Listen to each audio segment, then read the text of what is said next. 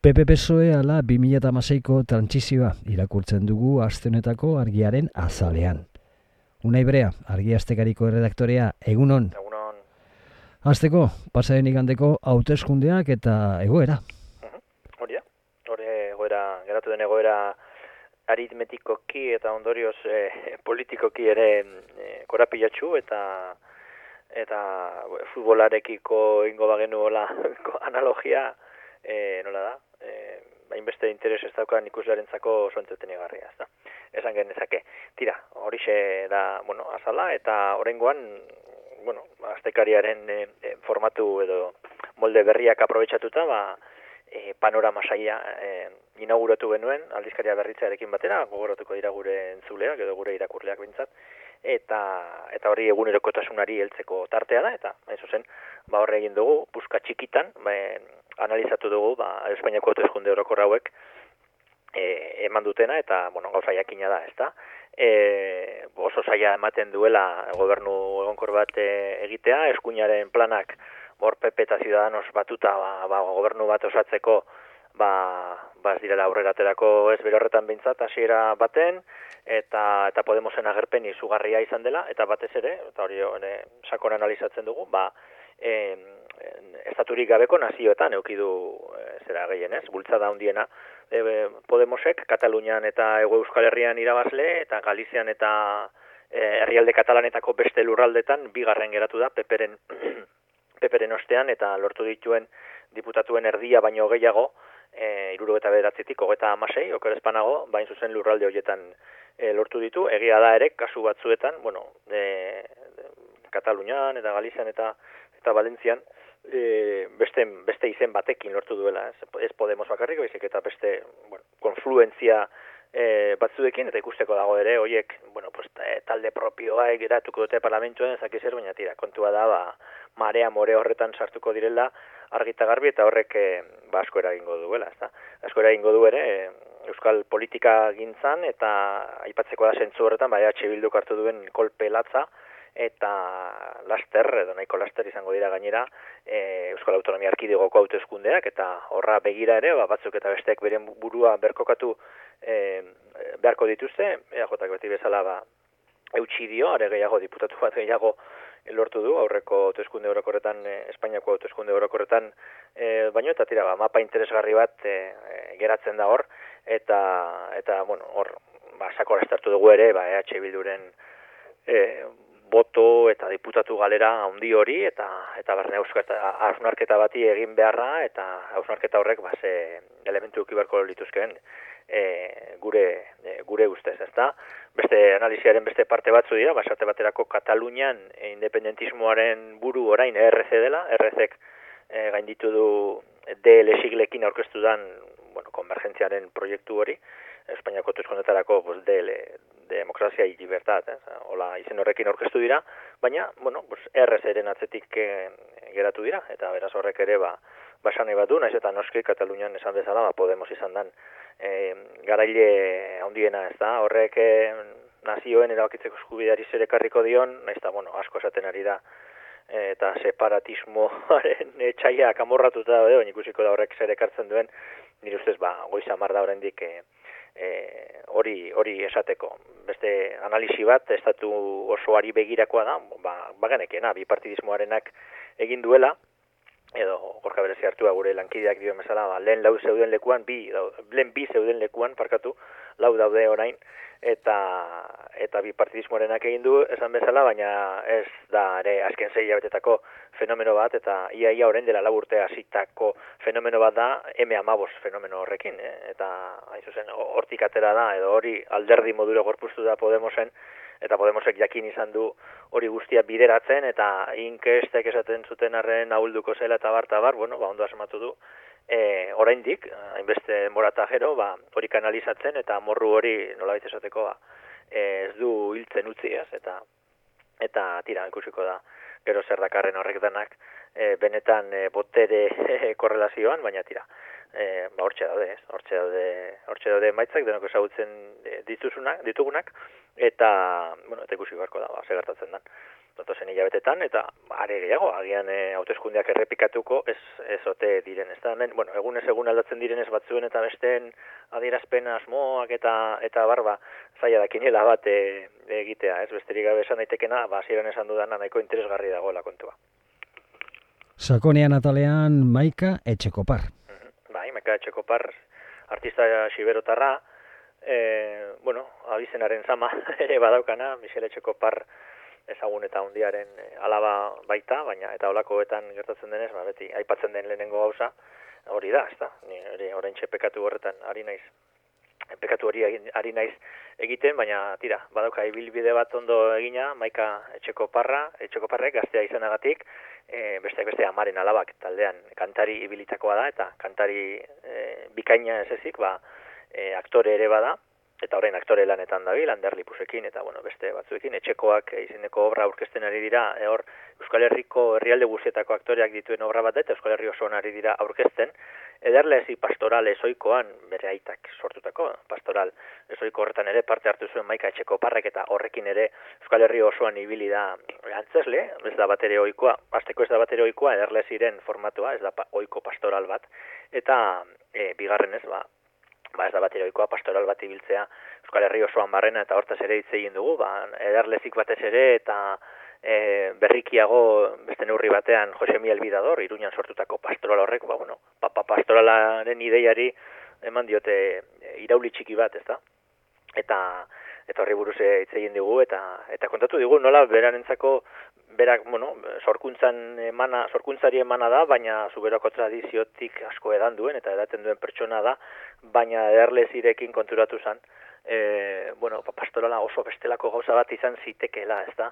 Oso, ez da dela san, e, lehenengo aldiz konturatu zela edukiari erreparatzea, ba, zegoela, zelen molde jakin batzuk segituta, ba, berdin, berdin egin zen ezakela pastoral bat Hilder edo Tresforo Monzon. Gora ipatzeko ez da, eta aldiz, aldiz ederlezin, eh, ezoiko tasunetako banda ez dela pertsona jakin bat e, gurtzen edo ez dela pertsona jakin bati buruzko historia, baizik eta herri oso bati buruzkoa ez da, eta horrek zer zer esan nahi du gainera, bueno, ba, esaten duenez, ikusleen erreakzioetan igerri da, zerbait diferente dela eta zerbait diferente hori oso ondo hartua izan dela, e,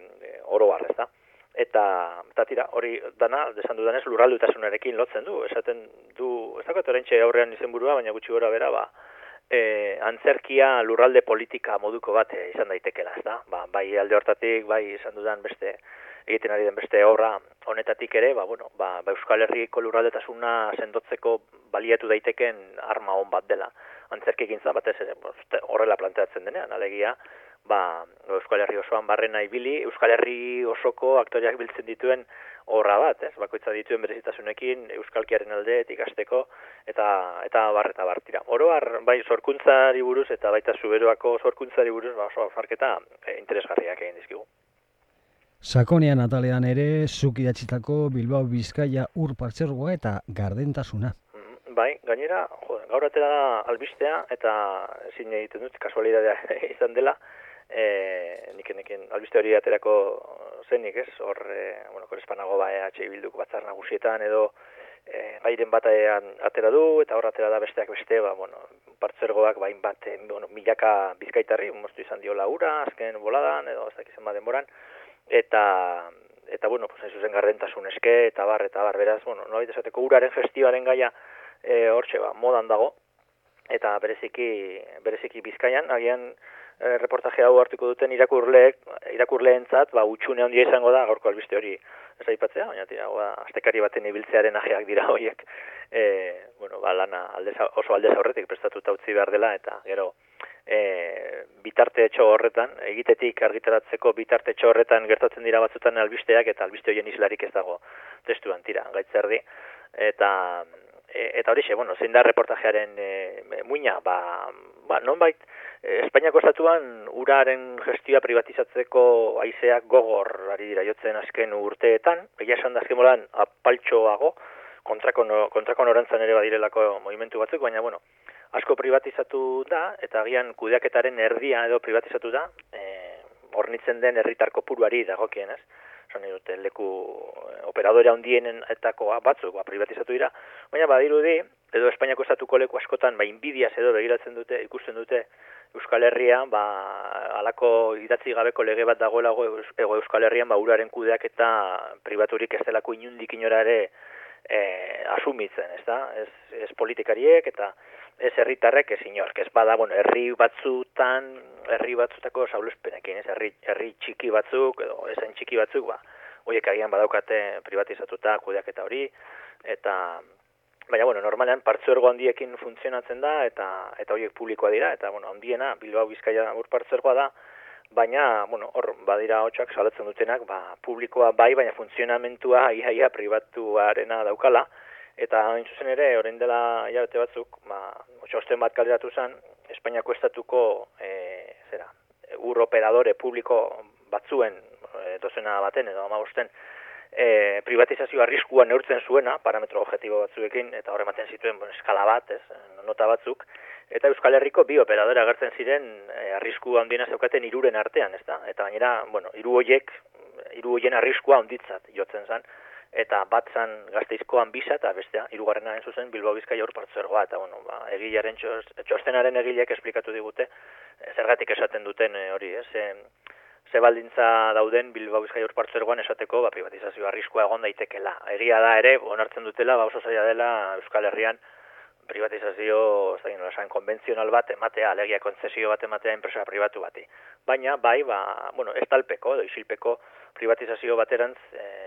joaten ari garela, edo, edo dagoeneko bagaudela, eta bueno, horren arrazoi nagusia Bilbao Bizkaia urpartzergoaren kasuan da, e, bazpi kontratazio maila oso oso handia dela, ez, uneko irurogei, lanen edo langileen uneko irurogei azpi kontratatutakoa da, eta horrek ba, kontrol publikoa ahultzen du, eh, nola baita esateko, eta gainera, bueno, garduntasuna ere, ba, ez omen da beharko litzateken bezain eh, ona ez da. E, besteak beste EH Bilduari da, honi buruz, eh, bueno, kezka agertzen, gaurkoa ba, listeare horren aritik dator, eta, eta, bueno, pues batzar nagusietan, pues eh, galdetu du eta hitz egin nahi du, pues eh, hori, ez, Bilo Bizkaia urpartzergoa privatizazio arriskuaz eta bestela ere ba, ba funtzionamentu molde ez, ezta? Eh, bueno, susmo txarroiek indartzeko dagoen ideia bat da Bilbo Bizkaia urpartzergoak ban, eh, hori bai publikoki agertutako asmoa daukala Bizkaia osora edatzeko, ez? Gaur egun e, undo amabi udalerri ditu bizkaiak eta laro gehi hartzen ditu partzergoak, eta hori da herritarren euneko laro mar, baina asmoa daukate, garbi e, adirazita, eta unai rementeria diputatuak ere, e, horrela esan da, ba, e, bizkaia osora e, ez, falta den hori ere hartzeko, hor, ostopo nagusiena orain arte, e, bustu ur partzergoa izan da, amasei udal biltzen dituena, ondienak bermeo eta gernika, eta aurreko legeintzaldian EH Bildu eukibur gehiengoa, eta, bueno, aurre egin diote ba, batasun nahi horri, ez da, baina orain, bueno, ba, e, jotak berreskuratu du hor e, gehiengoa, eta seguruena izango da, ba, denbora laburrean, pare bat urtea, ez dakiz zen denboran, ba, ba, integratzea, Bilbao Bizkaia urpartzeroan, eta beste herriak, ba, beren kabuz dabiltzenak, bakarka, ba, bueno, pixkanaka, pixkanaka sartuko dira, e, salatzen denez, ba, presioak ere baduzkatelako, ez? E, hor sartzeko, eta tira, ba, batzuei bestei, e, partzuergo handian sartzen ez badira, ba, diru laguntzek ukatzen zaizkie, eta e, behar diren obrak azpiegiturak finantzatzeko eta ba, baukatze saie laguntza eta bar eta bueno azkenean ba, ba nahi edo nahi ez edo nahi ez ba, ba oso, e, partzergo handi hortan sartzea beste erremediorik e, e, ez daukat eta bueno ikusi barko da ere honek gai honek datozen hilabete edo urtetan daukan e, e, bilakabidea Bukatzeko nahi, Islandia, Euskal Baleazaleen lorratzean. Bai, oso, bueno, bertatik egindako artikulu polit batek harri dugu Aritz Rodríguez, kolaboratzaileak, baina oso argazki edarrekin egindako eh, artikulua, benetan eh, irakurri edo irakurri ikusteko baneko gozagarria da, artikulu hori Islandiakoa, eta, bueno, badago Islandiako historian Espainiarren hilketa izenez ezagutzen den pasarte bat, bueno, ari dira pixkanaka orain ja Euskaldunen hilketa, eh, berbataiatzen, eta eso zen ere aurten dira laurun urte hori gertatu zela, mila zirun da mabostean izan zelako, eta bueno, nunbait ba Islandiarrek ba, e, e, lotxarekin edo bizi dute, ez? Lotxa nazionala eragiten duen pasarte bat da, eta bueno, oso labur esan da, da, ba, bueno, balea arrantzatzen joaten ziren Euskaldun batzuk, Euskaldun arrantzale batzuk, ba, bertako buruzagi baten aginduz, ba, hile egin zituztela, bueno, nahiko modu bortzitzean, hil zituztela ez arraskitu e, zituzten, ez da? E, bueno, Euskaldunak pare bat urte baino ez eramaten, gara hartan Islandiako mendebaldeko kostaldera balea arrantzatzera joaten, eta hor, bueno, pues, tirabira batzuk egon ziren, borroka, borroka batzuk egon ziren elkarrekin, eta, e, bueno, pues, hori hainbat, hainbat gora bera, eta e, Euskaldun nek ere polako batean pues, goseak jota edo han, han arrapatuta bere borondatearen kontra ba, lapurreta batzuk ere egin zituzten, bueno, e, o testingurua nahiko komplexua da, oso ondo esplikatuta dago artikuluan, eta azkenean, ba, iru itxasontzi zijoa zen, e, gipuzkoatiko kerezpanago, bueno, Euskal Herritik seguru, eta horietako bik, ba, lortu zuten iese egitea, zakigu historiak ez du jaso ze pasatu zen horiekin gero, baina beste itxasontziko e, marinelek eta, ba, Islandian geratu bari izan zuten, denboraldi baten ba eskutuan eta bertakoen gandik iesean eta zinan danak hil, hil zituzten, hoietako batzuk, azkenek, harrapatu zituzten azkenak, ba, dio nahiko modu anker, krudel eta bortitzean, eta tira, pues, hori historiara pasatu da, Espainiaren hilketa izenarekin, eta antzaren ez, ba, eskoletan ikasten den pasarte historiko bat da, eta esan dudanez, ba, e, Islandia izanik munduan delinkuentzia eta bortizkeria indizie bajuenetakoa duen herrieldetako bat, ba, neko lotxa eragiten dien, eragiten die beraiei, tira, aurten laugarren urte horrena da, eta horren arira, bain bat, e, hainbat fikzio lan, edo saiakera eta bar egiten ari dira, edo egingo dira, edo egin dira dagoeneko e, pasarte hori e, pasarte hori gogoratzeko, ez? Batzuk Euskal Herrian e, egin dira eta beste batzuk Islandian bertan, ba, bueno, dokumentalak, liburuak, ba, Iñaki Petxarroman, ek esate baterako idatzi du e, liburu bat, ez? Berriako zuzendari ordeak, gai e, gai horri buruz, ez da? Eta, bueno, horretaz aparte esplikatzen dugu e,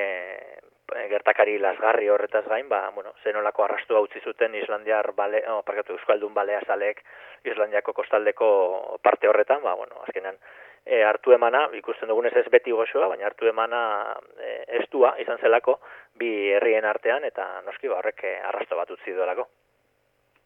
Unai Brea, argi astekariko erredaktorea, mila esker, zure kolaborazioagatik eta urte berrion. Bai, berdin. Agur.